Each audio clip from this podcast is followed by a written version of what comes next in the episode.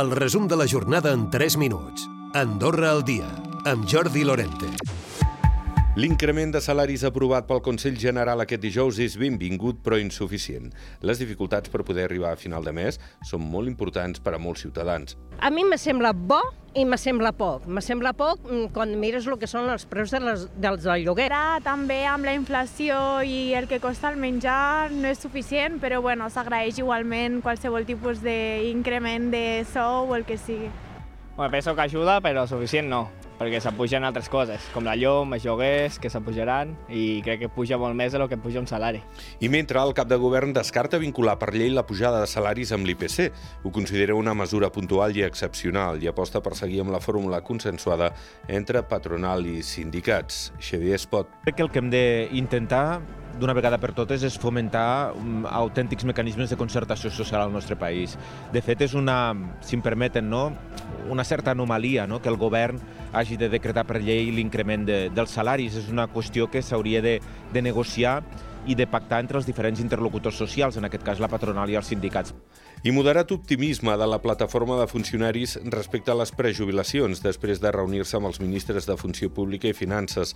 A l'espera de tenir per escrit la proposta del govern, consideren que s'obre un nou escenari per superar discrepàncies, sobretot pel que fa al percentatge total de les pensions. Tenen clar, això sí, que aprovada la reforma dels complements de jubilació no recuperaran les condicions d'abans del 2015.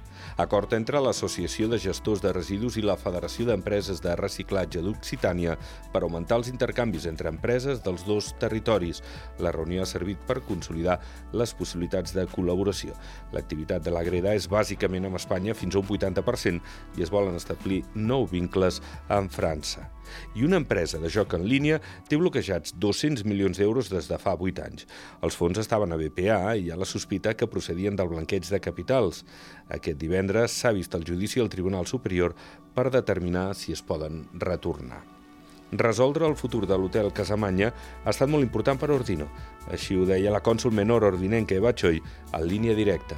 Han sigut difícils en algun moment doncs, uh, les converses amb el, amb el quart per, a l'hora de trobar un destí, no? perquè bé, en 20 anys hi ha hagut moltes possibilitats, hi ha hagut moltes alternatives i bé, finalment s'ha aconseguit tenir doncs, un, una, una proposta que encaixés per totes les parts i, i bé, des del comú només podem que celebrar-ho. I l'escudella de Sant Sebastià ha tornat a Sant Julià. Eh, vinc a buscar-la per mi, pels meus fills. Vaig a la missa i quan surto d'allà doncs vinc aquí, si puc, a l'escudella. I normalment me la mengem aquí. Hem anat a missa i ara venim aquí a buscar l'escudella. Menjo si puc aquí, però me porto per als nens perquè venen més tard. Me l'emporto per la família ara al migdia que venen a dinar i aleshores eh, menjarem tots. I la Massana serà protagonista aquest cap de setmana amb la música. S'hi fa la segona edició del Sant Antoni Música, a les Fontetes.